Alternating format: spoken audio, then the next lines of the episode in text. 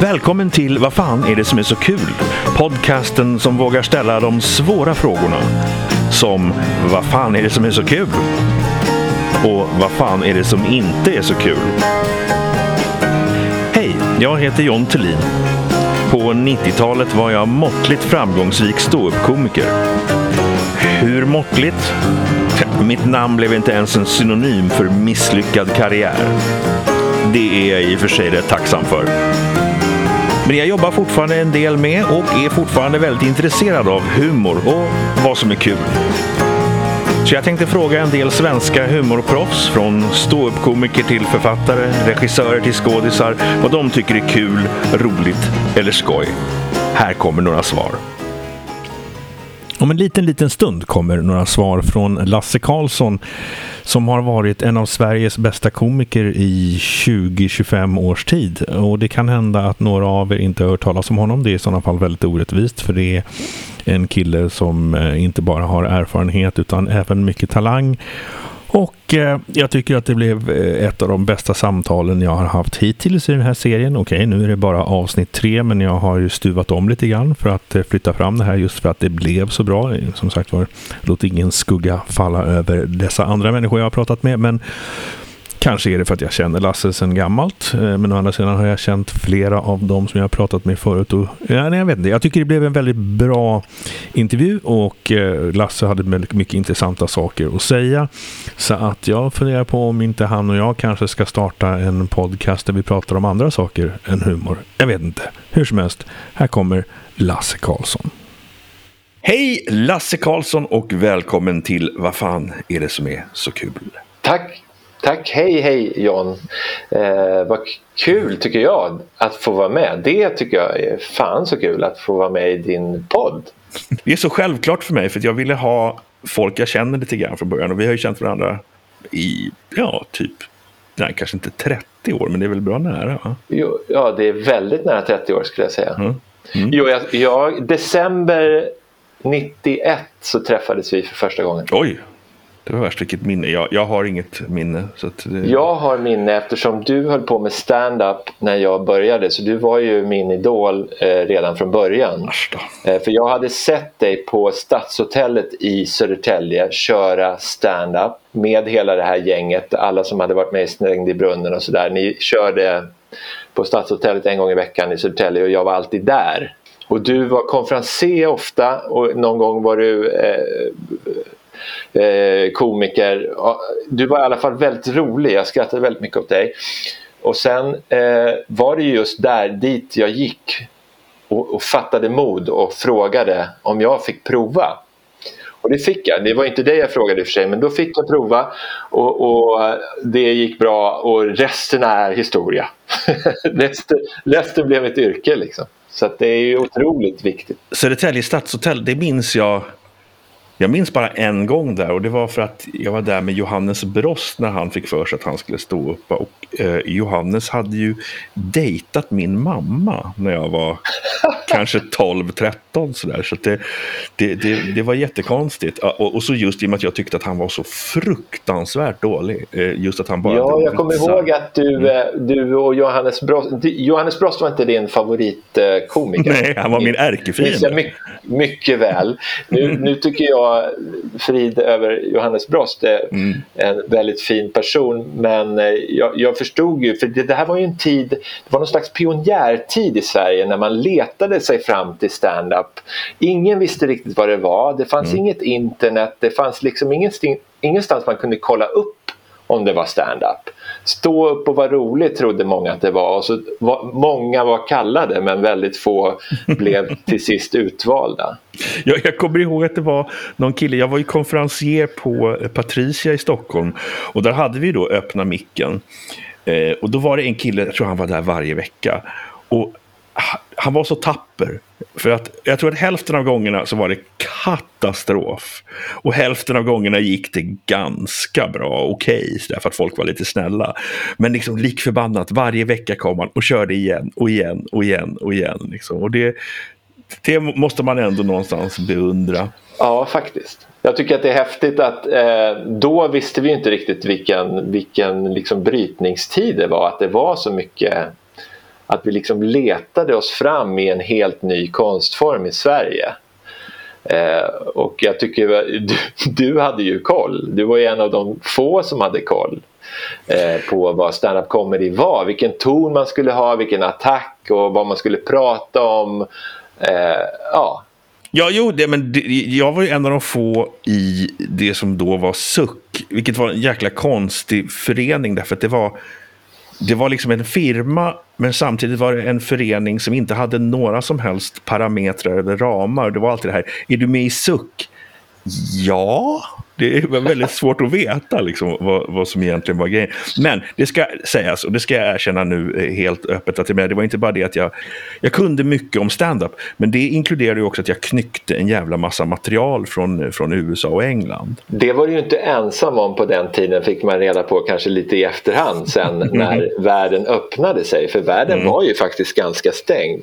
Jag visste inte hur man kunde knycka från USA och England 1991 om man inte åkte dit. Och jag hade aldrig, jo jag hade i och för sig någon gång varit där men, men eh, nu är det ju mycket lättare att knycka om man vill knycka. Å andra sidan är det otroligt mycket lättare nu att bli avslöjad eftersom allt finns på Youtube. Precis. Det, det, finns en komiker i Frankrike som har avslöjats med att liksom i princip ha knyckt allt han har kört. Han är liksom en av Frankrikes största ståuppare, eller kanske inte ståuppare så, jag tror mer, mer att han är en scenartist. Sådär. Ja. Och eh, då är det någon som har gjort, jag tror det är så 40 videos där de bara liksom totalt eh, sågar honom genom att visa liksom, här har han tagit därifrån, där har han tagit därifrån, där har han tagit därifrån.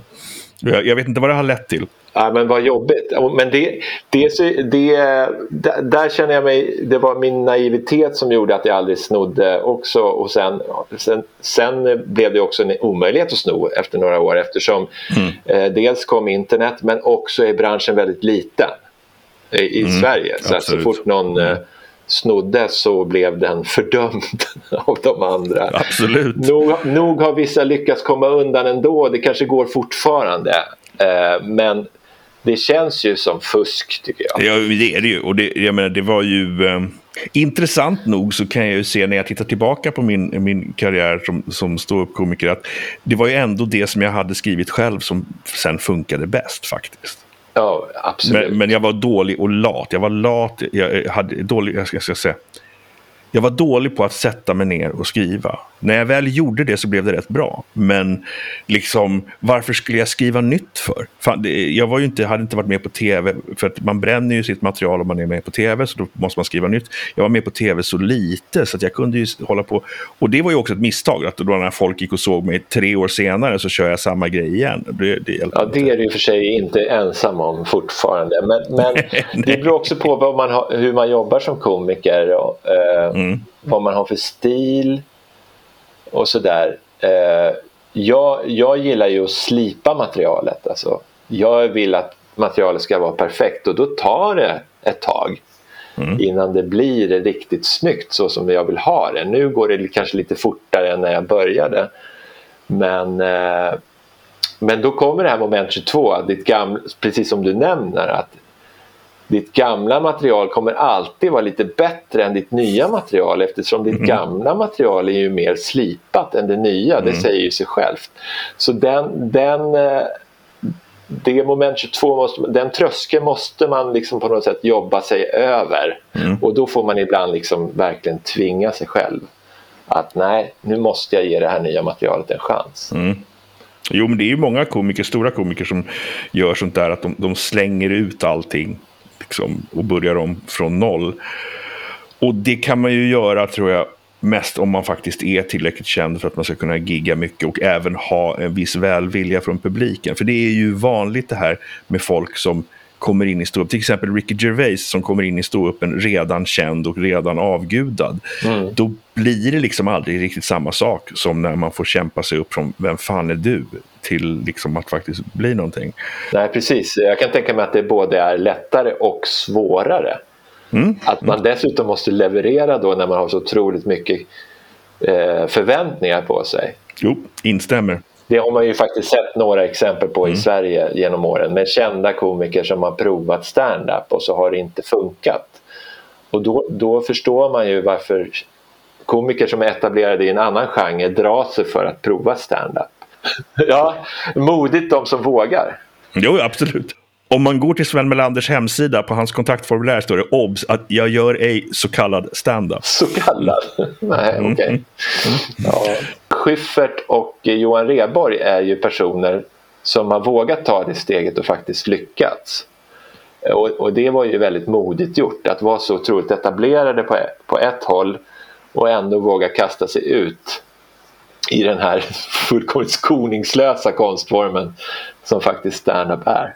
Och som de ändå hade, jag vill inte säga förakt för, jag vet ju att Schyffert var sådär eh, i, i den mån jag kände honom lite grann, att han hade ju inte direkt no, någon större respekt för stand-up som grej liksom, innan han själv började. Nej, men det kan man väl kanske känna igen från eh, när, när jag genom åren har stött på eh, komiker eller skådisar och sånt. Det är, ju, det är ju ganska bekvämt att förakta något som man inte vågar prova. Mm, absolut. Men sen var det ju många skådisar som, som försökte och misslyckades. En av mina favoriter, en, en kommer inte ihåg vad han heter, det finns ingen anledning att, att nämna honom heller, men en, en snubbe som spelade mycket så biroller på, på 80-tals, i svensk 80-talsfilm, eh, 70-tal och 80-tal. Och han kom till Patricia en gång och hade skrivit en, en som han tyckte var kul rutin om att peta näsan mm. och snor. Mm. Och det var helt tyst. Det var, än en gång en riktig katastrof. Och han gick av scenen från båten, Patricia var en båt, från båten och bara försvann och kom aldrig mer tillbaka. Han hoppade över relingen. Ja, ja, men du, nu, nu har vi pratat eh, om saker som, som är kul för all del, men jag vill ha din lista på vad fan är det som är så kul? Vad är nummer ett på listan då? Ja, med, med, med en brasklapp här att jag kanske inte riktigt eh, förstått vad jag skulle leta efter. Jag kom ju på en grej nu när vi pratade som faktiskt är väldigt kul. Det är ju misslyckad humor. Alltså humor som inte lyckats. Och eh, du, eh, du, eftersom du är komiker själv så vet du säkert att om, om du satsar hårt på ett skämt, till exempel på Norra Brunn, alltså en ny rutin som du vill prova och så faller den platt så är publiken tyst men vilka asgarvar? Jo, det är alla komiker som står i baren. För de tycker det är så jävla roligt att se ett skämt som inte fungerar. Precis. Och det värsta är att man börjar själv, jag börjar själv tycka att det är lite roligt när jag kör ett skämt som inte fungerar. Alltså egentligen är ju det någon slags eh, kamikaze-grej, självdestruktivt. Mm. Men det, det, finns något roligt i liksom attacken och misslyckandet. Jo, då tänker jag på två saker där. Dels, alltså Zach Galifianakis, eh, han jag tror inte han står upp så mycket nu, men när han gjorde det förut så tappade han medvetet publiken. Att han medvetet gick in för att göra grejer där folk bara säger vad, vad fan nu? Liksom, och, och, bara att, för, att, för att han tyckte om att vinna tillbaka. Okay. Liksom. Att han kunde göra det flera gånger under en föreställning. Ah, någon slags eh, masochism. ja, men jag kan förstå det. Jag var en gång i Ludvika. Ja, underbar stad. På silverdollar. Jag måste ju berätta historien om Ludvika och silverdollar. Det var ju det att Lenny Norman hade dragit en ganska lång rutin på Slängd i brunnen om hur hemskt det var att uppträda på silverdollar i Ludvika. Ja, jag känner igen det. Och så ringer min bokare. Han är väl därifrån också? Det vet jag faktiskt inte, jag har ingen aning.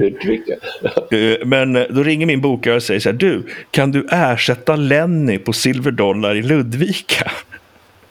Och, och, min reaktion var ju, ja ja okej, okay, men har du några riktiga jobb? Nej då, då, var det, för fan, det, det skulle ska jag gå till på Silverdalen. Så jag kom dit och så var det det här klassiska som, som man känner igen, man kommer till någon liten stad och så får man stå i köket och vänta och så skjuter de upp liksom, för att det inte kommit riktigt tillräckligt mycket folk och så vill de säga, nej men vi, vi börjar klockan elva, liksom att man ska ha gått på klockan Aj, åtta. Ja, nej, men, så. Been there, done that. Precis, det har vi alla tror jag som har turnerat i Sverige. Men så gick jag upp på scen och det var fulla, var mycket fulla bikers i publiken. Jag sa, det här kommer ju vara katastrof. Och det gick så jävla bra. Det gick så otroligt bra. Och sen gick jag av efteråt och var lite missnöjd. Ah. Jaha. Därför att jag hade, jag hade liksom väntat, för jag, för jag ju, fick ju så ofta kämpa, jag var ju aldrig särskilt känd, så jag fick så ofta kämpa mig till att liksom få publiken på min sida. Och det hade inte jag behövt här, det var så, från det att jag gick in så var det bara liksom succé hela vägen. Och det är ju kul på ett sätt, men samtidigt så, ah, nej, jag, jag fick inte slåss för det. Liksom. Ah, du tänkte så. Ja. Mm. Förvånad mig själv kan jag säga. Ja. Och sen apropå misslyckade skämt, jag textade ju David Letterman i många år och han gjorde ju alltid så att om ett skämt bombar i, i, ehm, monologen, då drog han det fem mm. gånger till under kvällens gång. ja, man ska, man ska inte ge sig. Nej, precis. Det här är Men, kul för fan. Och sen blir det faktiskt upprepning är ju faktiskt ganska mm. bra. Mm. Är det bara lite för många gånger så, så blir det kul i sig. Mm, att man liksom, nej, jag kör det en gång till. till slut kommer de ju faktiskt skratta. Mm, Om man bara har det lugnet i Jo, men det är ju det. Lugnet är ju det som är...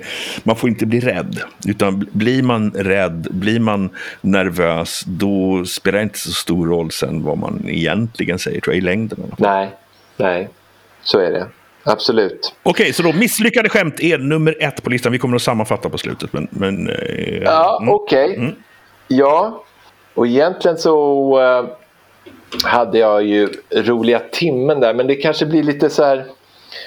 Roliga timmen var ju någonting som man hade i skolan. En timme i veckan. Eh, när när någon, några i klassen hade fått i uppgift att vara rolig, typ på fredagen. Jag vet inte om det ens finns kvar i skolan att man har roliga timmen. Om det inte finns så är det katastrof. Det borde in i läroplanen. För jag kommer ihåg att mina föräldrar var så här, ja, men lägg inte så himla mycket tid på roliga timmen för jag och min bästa kompis vi höll på och repade och skrev sketcher och fixade och då, till slut var det bara han och jag som fick göra roliga timmen. Vi måste varit skitjobbiga ungar. Men det, det, var ju, det var ju verkligen min yrkesutbildning, det var ju min viktigaste timme. Men det, det, visste ju inte mina föräldrar då och inte jag heller. Så att, eh, jag kan tycka att jag är så glad att den fanns. Och där kom jag, jag kom så tydligt ihåg första gången någon skrattade. Alltså jag fick en publik att skratta, alltså min egen klass. Jag, jag spelar någon konstig doktor med några låtsasglasögon och näsa, bara det är ju jätteroligt. Kan man ju tycka. En glasögon och en rolig näsa.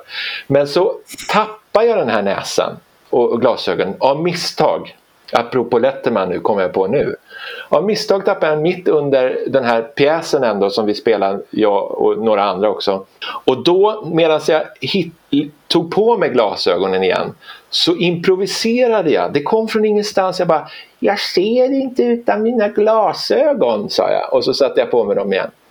Och de gapskrattade hela klassen. Och det där satte sig hos mig. Och så råkade jag tappa dem en gång till samma sak, jätteskratt. Och då tänkte jag, nu kommer jag tappa dem snart med flit. Ja, så då tappade jag dem igen med flit bara för att jag ville uppleva det här skrattet. Och jag kommer inte glömma det för att det har betytt så mycket för mig. Och det är fortfarande den här kicken jag kan få när jag får en publik att skratta. Det är en sån enorm tillfredsställelse det kanske är för att man behöver egentligen bekräftelse på något annat ställe men känslomässigt. Men, men att få det, jag tror att det är alla komikers liksom, drog. Ja, det, så måste det ju vara. Det, nej, jag tror inte att roliga timmen finns kvar under det namnet. Däremot tror jag att man har tagit det engelska eller amerikanska begreppet och bara översatt och kör visa och berätta. Det låter jättekul. Mm, Titta, här är en sak. Nej, jag, jag minns för roliga timmen. Dels, jag hade en skiva som jag sedermera inte har lyckats hitta. Min mamma hade någon skiva där det var en sketch med där någon imiterade Anders Gernandt. Ah, referens som du måste och, förklara för de yngre lyssnarna. Ja, precis, han var... Eh, sportkommentator i hästsport. Bara hästsport? Han pratade... Så fort det var hästar så var det han? Mm. Ja. Och så Anders Gernandt, han pratade så här. Eh, och i den här sketchen då så ingår det att hästen börjar skita och med ljudeffekter och grejer. Och jag kommer att jag mimade till den på roliga timmen. Det var, det var min... Så att, så att jag redan då knyckte jag material. John Thelin, tjuven. Mm, Mm, precis. Humortjuven. Jag kommer ihåg faktiskt första gången som någon frågade mig om det. Jag hade kört någon grej som var en Billy Connolly-pryl. Eh, jag och Adde Malmberg var uppe i Norrland på något hotell och, och, och, och uppträdde och sen på morgonen efter i frukosten så frågade han lite så här försynt om liksom, du, det här, den här grejen, har du kommit på det själv? Och det var ju åh, det var ju panik. Liksom. Vad, ska jag svara på det? Aj. Jag kommer inte ihåg vad jag svarade. Det är jobbigt. Det är läskigt också med Adde som är lite liksom eh, ordningsmannen i svensk standup. liksom. Och som också hade varit lite av en mentor för mig. Därför att jag hade ju varit på väg att lägga av efter några månader. Och kände så nej, nej, nej. Och så ringde Adde Malmberg och sa, hej, vill, vill du eh, åka till eh, Norrköping med mig och uppträda? Och jag var så här, wow, han tror på mig. Det visade sig att jag var bara liksom nummer tio på den här listan där han hade fått nio nej innan. Liksom. Eller inte fått tag på folk. Nej, men du var rolig. Nu snackar du ner dig själv. Du var, du var himla rolig. Men Adde, Adde var ju faktiskt, eh, han var ju nästan, vad ska man säga, Adde jag älskar Adde. Han har varit en jättebra mentor för mig och eh, lärt mig jättemycket och stöttat och allt sådär. Men han skrev faktiskt regler för svensk standup. Alltså han skrev ner dem. Eh, vad som är standup. För att liksom så himla okänt var det där typ 88-89 när de började. Så han, han gjorde en lista och den listan fick man inte heller gå ifrån då. om jag förstod honom rätt på den här första Västermans eller vad de var. Om det var någon som bröt mot de här reglerna så, så fick inte de komma tillbaks. Det var väl därför Lasse Tenander åkte ut. kanske, kanske. Så det, men, men det kanske behövdes en sån grej för att få igång konstformen i Sverige. Det kan tänkas. Eh, och det var ju så. Eh, Adde var ju en av de få i, i den här första svängen som faktiskt hade koll på internationell standup eller på standup överhuvudtaget. Det var väl liksom han och Janne Bylund tror jag som var, med, med många av de andra så var man om man nämnde George Carlin som då ändå är liksom en av de stora gudarna inom standup så var folk så här, vadå, vem då, oh, ja. vem pratar du om? Liksom, det var jättemycket. Och Lennys favorit framförallt. Ja, ja, just det. Lenny mm. älskar mm. George mm, Ja, Lenny hade ju också koll, absolut. Men, eh, men generellt så var det väldigt mycket så att nej, det, det, det var eh, skådisar som skrev eget material och som inte riktigt, riktigt som du sa, jag tror det, du har nog rätt i att det behövdes de där reglerna för att leda dem rätt. Okej, okay, så vi har roliga timmen som tvåa. Trea då? Jag, jag har några varianter här. Jag kunde inte enas. Först så tycker jag det är intressant att jag älskar både satir, så intelligent satir tycker jag är kul. Och jag älskar trams. Alltså, jag älskar både och. Jag kan älska bara trams. Eh, eh en av de roligaste grejerna i Släng i brunnen på 90-talet var ju när eh, Peter Wahlbeck dissar Povel Ramel. Absolut. Eh, bara den rutinen är helt underbar med Peter Wahlbeck. Han är arg på Povel Ramel, han tycker att det är simpel humor. eh, och sen ska han illustrera simpel humor, vilket är också briljant. Det är så mycket stand-up. Man gör ett skämt och sen illustrerar man skämtet. Do the joke and act it out, jag som också undervisar i stand-up. Men, men, och då ska han alltså illustrera dålig humor. Eh, så som han uppfattar dålig humor. Och när han gör det så är han fruktansvärt rolig. Så egentligen motbevisar han sig själv. Men han blir så fruktansvärt rolig när han tramsar och är liksom någon slags eh, bondkomiker. Så skrattar man ju precis samma skratt som den som ser en bondkomiker. Fast man får ett extra lager som är helt briljant. Just det där att Peter Wahlbeck gör en analys av humor och så blir hans illustration vansinnigt rolig. Det var mycket så med, med Peter Wahlbeck att han, jag tror inte han visste när han var kul. Att det är en sån här människa som, han liksom är rolig bara och, och ibland så, till exempel, han hade någon låt som heter Lilla Lammet som folk tyckte var jättekul. Uh, och, och det, den är ju seriöst menad egentligen från hans sida. Det, det är liksom en, en uh, en kampsång för vegetarianism. Men den är så absurd och, och, och, och, konstig så att den blir otroligt rolig och folk garvar åt den. Jag tror inte han riktigt förstår varför heller. Eller förstod kanske, jag kanske förstår det nu, det vet jag inte. Men eh, det var ju det som var med Peter Wahlbeck. Jag, jag tyckte man visste liksom aldrig vad man hade honom. Eh, och man visste aldrig riktigt var det skulle ta vägen. Jag vet, jag har ju hört historier om när han var på turné att han, om han snedde ur på krogägaren där han var så kunde han gå upp på scenen och snacka 20 minuter om vilken idiot krogägaren var. Ja. Och, och det håller ju inte i längden tyvärr. Det är ju liksom... nej. Det är, det är väldigt roligt att någon gör det men samtidigt så är det så här, nej, det, det kanske är bättre att gå tillbaka till materialet. Det är också lite roligt att vi landar på Peter Wahlbeck för det är väl vad den här branschen har gjort i, i snart 30 år. För att att man, man diskuterar Peter Wahlbeck. Eh, för att alla har en historia om Peter Wahlbeck. Det var ju till och så, jag tror att det var Aron Flam som skrev, jo men Aron Flam skrev en bok om standup där, eh, där han samlade ihop, mm. han skrev inte men han samlade ihop, flera komiker fick skriva, jag mm. skrev bland annat. Och, och då noterade han att nästan alla hade en historia om Peter Wahlbeck. Så han, Peter Wahlbeck fick ett helt kapitel i den här boken nu har jag den inte här så jag kommer inte ihåg exakt vad den heter. Jag eh, tar reda på det och så, så säger jag det i avan. Den är värd att läsa om man gillar svensk standup i alla fall. Och då en sak som inte är kul. Jag har faktiskt lite svårt för The Office. Det beror mest på att jag inte har sett det ordentligt. För att jag kan, jag kan inte se det. Eh, jag kan inte se sånt där för jag, jag tar det på, på allvar så att jag mår så dåligt. Alltså, jag mår fysiskt dåligt av den situationen som de lyckas förmedla. Så egentligen är det ju bara väldigt skickligt. Men jag, jag njuter inte, eh, jag kan inte njuta av det. Eh, att det går tokigt på det sättet som det gör hela tiden. Eh, så att jag ska inte säga att jag kan dissa hela serien för jag har faktiskt inte lyckats se den hela. För att jag, jag mår för dåligt. Och jag tror, jag försökte analysera det här för att uppenbarligen är ju Office väldigt roligt. Så det är ju inte det, att det inte är roligt. Men det är det att jag inte kan ta till mig det faktiskt. Så det, det tycker jag, det är ingenting som passar mig. Men det som jag verkligen inte tycker är roligt eh, om man ska gå till, till mig själv. Det är när man får den här frågan som påminner lite om The Office. Eh, hur vill du bli presenterad? Vill man ju hellre ha, men ofta så får man den här från kanske ett företag om man ska uppträda för dem. Eh, jo, vi tänkte att vi skulle presentera dig som vår nya chef. Och bara som en liten grej och sen efter ett tag så avslöjar du dig. Och det är just det här osäkerhetsmomentet som jag tror jag själv tycker är jobbigt. Och framförallt så tycker ju publiken det är väldigt jobbigt. För de gånger i början när jag gick med på det här, vad händer? Ja men det, oftast är det en arbetsplats och på en arbetsplats då så är, kan det vara spänt och man är orolig och det är väldigt viktigt vem man har som sin chef.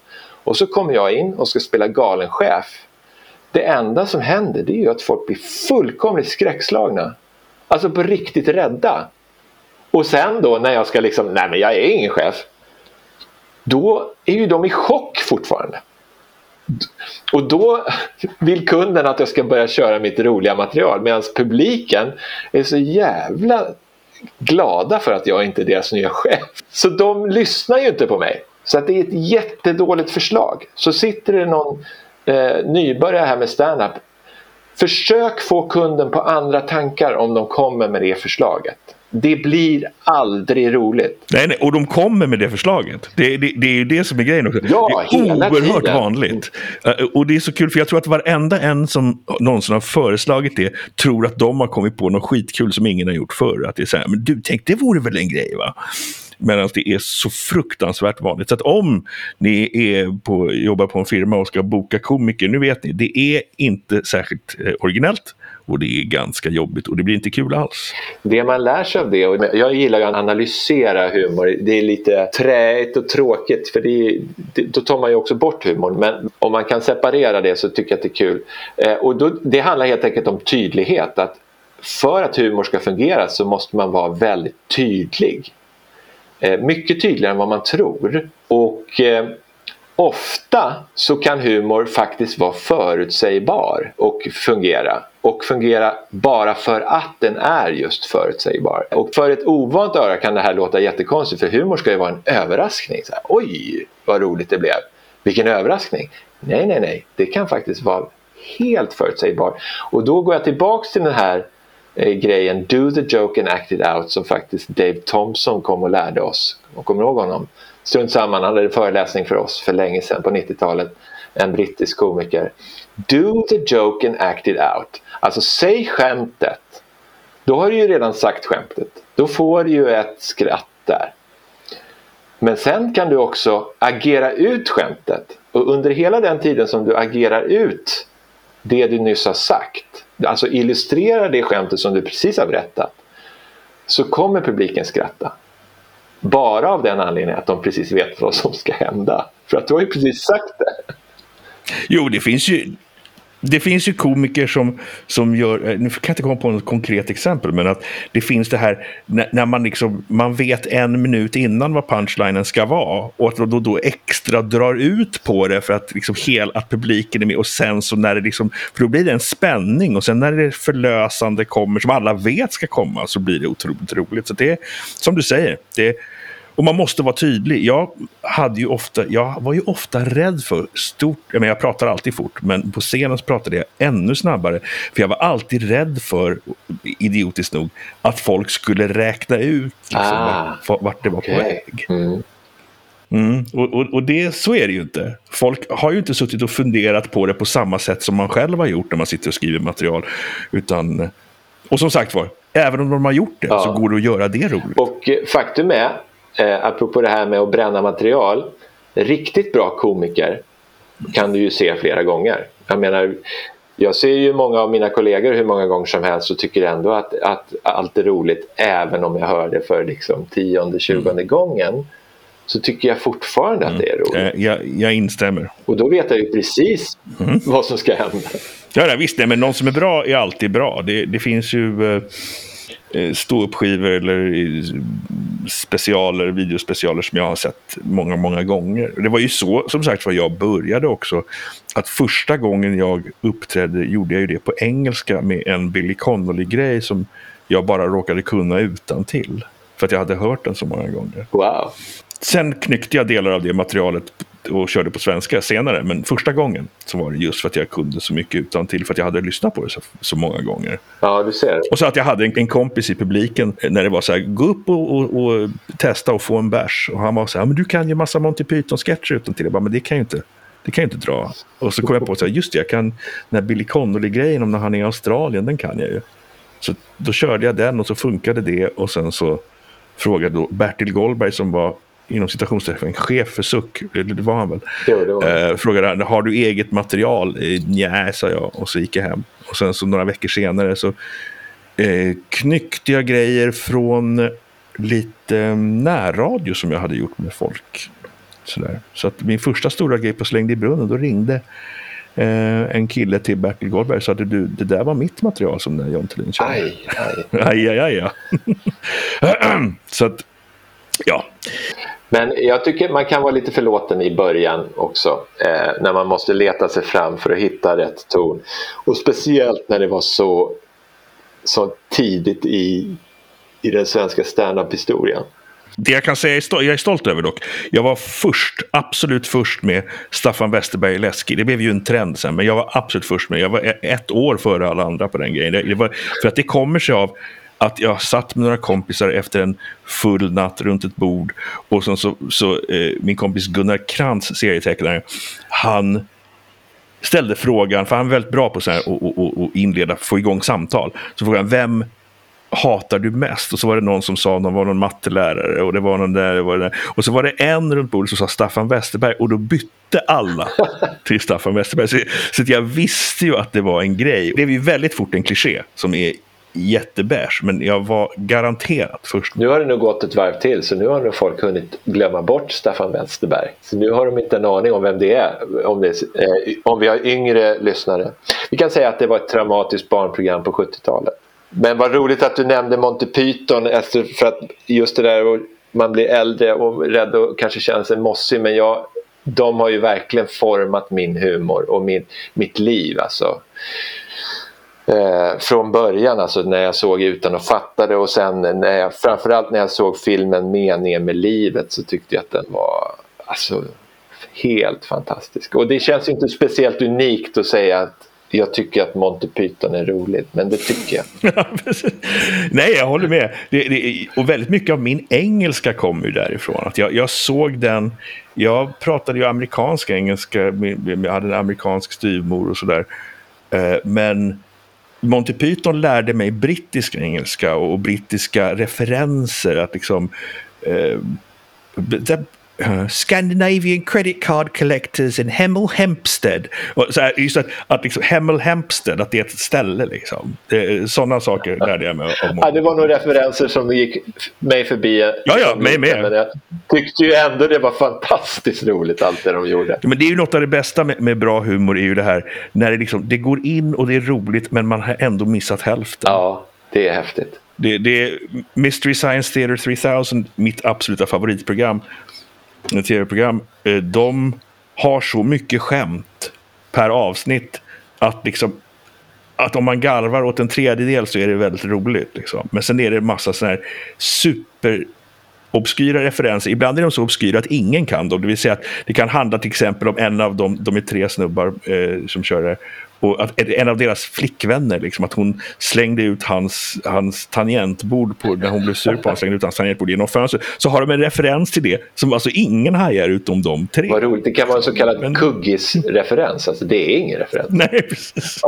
Man tror att det är Jag sammanfattar då. Ett var misslyckade skämt, håller jag med om. Det är oerhört roligt. Jag känner att jag har något exempel där på att det, eh, det finns en, eh, en väldigt undlig människa som går under namnet Desiree Dubonnet som forskare, vetenskapsman, tydligen eh, charlat, så här, hälsoscharlatan, bor i Ungern och har sådär noll, noll eh, känsla, har kört, gjort en stand-up-grej där det är kanske 8-12 pers i publiken och sen lagt på skratt.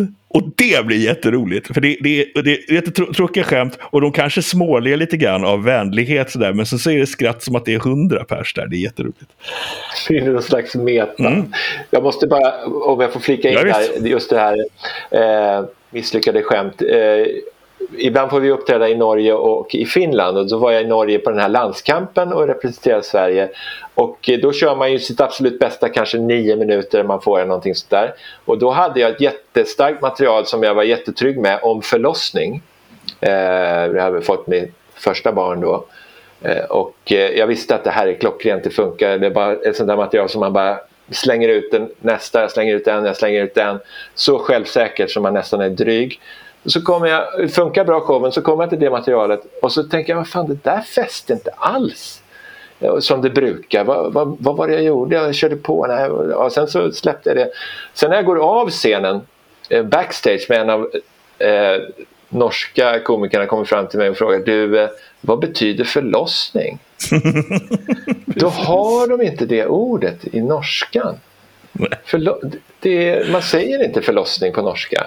Nej. Så de förstår ju mycket svenska men, men där, där var gränsen nådd för dem.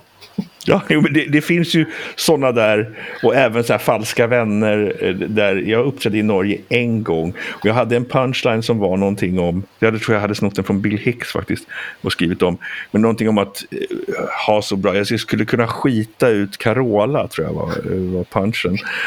Och då blev det då, i Norge så blev det, jag kan drita ut Sissel Kyrkjebø. det funkar inte det, det låter ju roligt. Det funkade, det funkade. Det lät, jag tänkte, vet du. Mm. Det lät roligare än på, än på svenska faktiskt. Okej, okay, så två, roliga timmen. Ja. tre, där var, du lite, där var du lite luddig, men jag har skrivit intelligent trams. Ja. Och sen då, vad som inte är kul, du säger att det är mest personligt, det är The Office. Och eh, det är okej. Okay. Det är liksom, som sagt, jag tycker det är väldigt kul. Jag tycker inte det är roligt, men det är kanske för att jag inte har sett det. det liksom... Absolut, det är för att jag inte kan se det. nej, visst, nej, men jag förstår det och jag det absolut respekterar eh, Är det något du vill pusha för, lansera? Har du, har, har du någon bok, en webbsida, någonting? Som... Så fort den här pandemin tar slut så ska jag åka på världsturné. Mm, det, det, det vill jag gärna pusha för. Mm, mm, bra. Då, men eh, som sagt i avan som jag lägger till här efter så tar jag eh, tar reda på vad boken heter. Um, och det jag tänkte säga också är att jag har ju säkert fem Peter Wahlbeck-historier, uh, eller mer. mer. Det, det, inte minst när vi, när vi åkte 130 i hans Saab Turbo på motorvägen och han släpper ratten och börjar klappa med i musiken. ja, underbar. Underbart jobbig kille. Mm, precis, exakt så. Um, jag kan rekommendera för dig också uh, Simon Gärdenfors som kommer att dyka upp, uh, eller kanske redan har dykt upp, jag vet inte om jag stuvar om, men Simon Gärdenfors som jag också ska intervjua. Ja, jag har koll på honom. Han har ju gjort en, han har en YouTube-serie som heter Mina Problem. Ja, det har jag inte koll på, det måste jag kolla in. Det, det ska du kolla in, dels är den, den är väldigt bra överlag, men ett avsnitt är Peter Wahlbeck med. Okej. Okay. Och det är fantastiskt. Därför att Simon, och det funkar så bra, för att Simon håller inte igen. Simon är jätteelak mot honom. Men Peter tar det liksom. Och det, och, och det blir, jag tycker det är otroligt kul. Och om man inte liksom har en känsla för vem Peter Wahlbeck är, för nu har ju inte han synts på tv och sådär på många, på unga lyssnare. Nej. Eh, så är det där en väldigt, väldigt bra primer på alltså vem, vem är Peter Wahlbeck egentligen. Där, där har du honom, han visar sina tavlor och, och Simon Gärdenfors säger men för fan folk köper ju, köper ju bara de här tavlorna för att du är kändis. Det är liksom inte för att de är bra eller någonting. Oh, så det, det, det, är jätte, ja, det är jättekul. Det är jättekul. Så att det kan jag rekommendera. Simon Gärdenfors, Mina problem på YouTube och leta rätt på Peter Wahlbeck-avsnittet. Det avsnittet när de åker till USA också väldigt kul. Um, men se gärna hela, för att eh, Simon är en bra kille.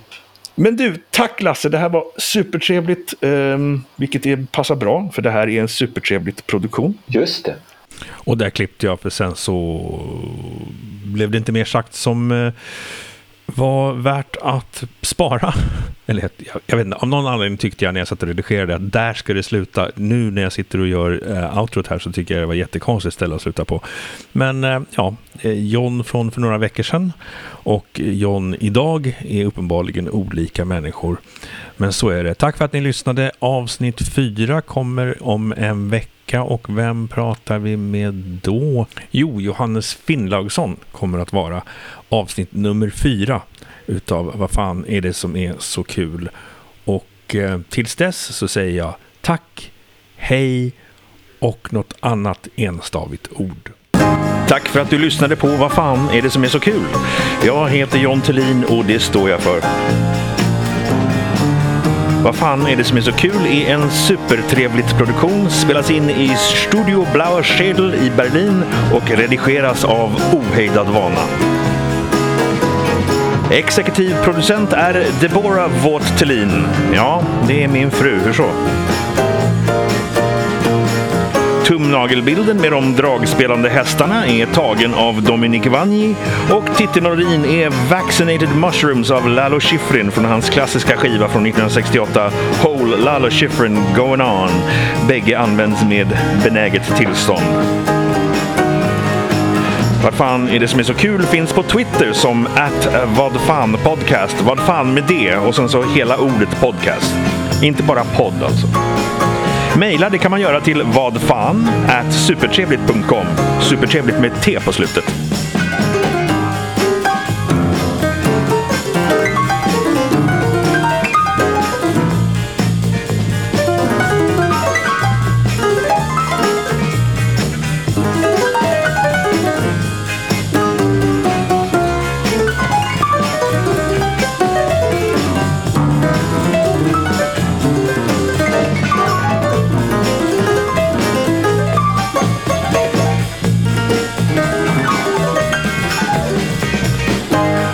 Som jag tycker är kul är Mystery Science Theater 3000, tv-programmet som jag nämnde faktiskt eh, när jag pratade med Lasse här. Jag tycker det är världens bästa tv-program någonsin. Några robotar och en snubbe sitter framför en gammal film och eh, kommer med roliga kommentarer. Fast det är mycket mer än så. Nyare avsnitt finns på Netflix och de gamla, vissa av dem, finns i sin helhet på Youtube. Sök på MST3K. Så, det var det kan sluta lyssna nu.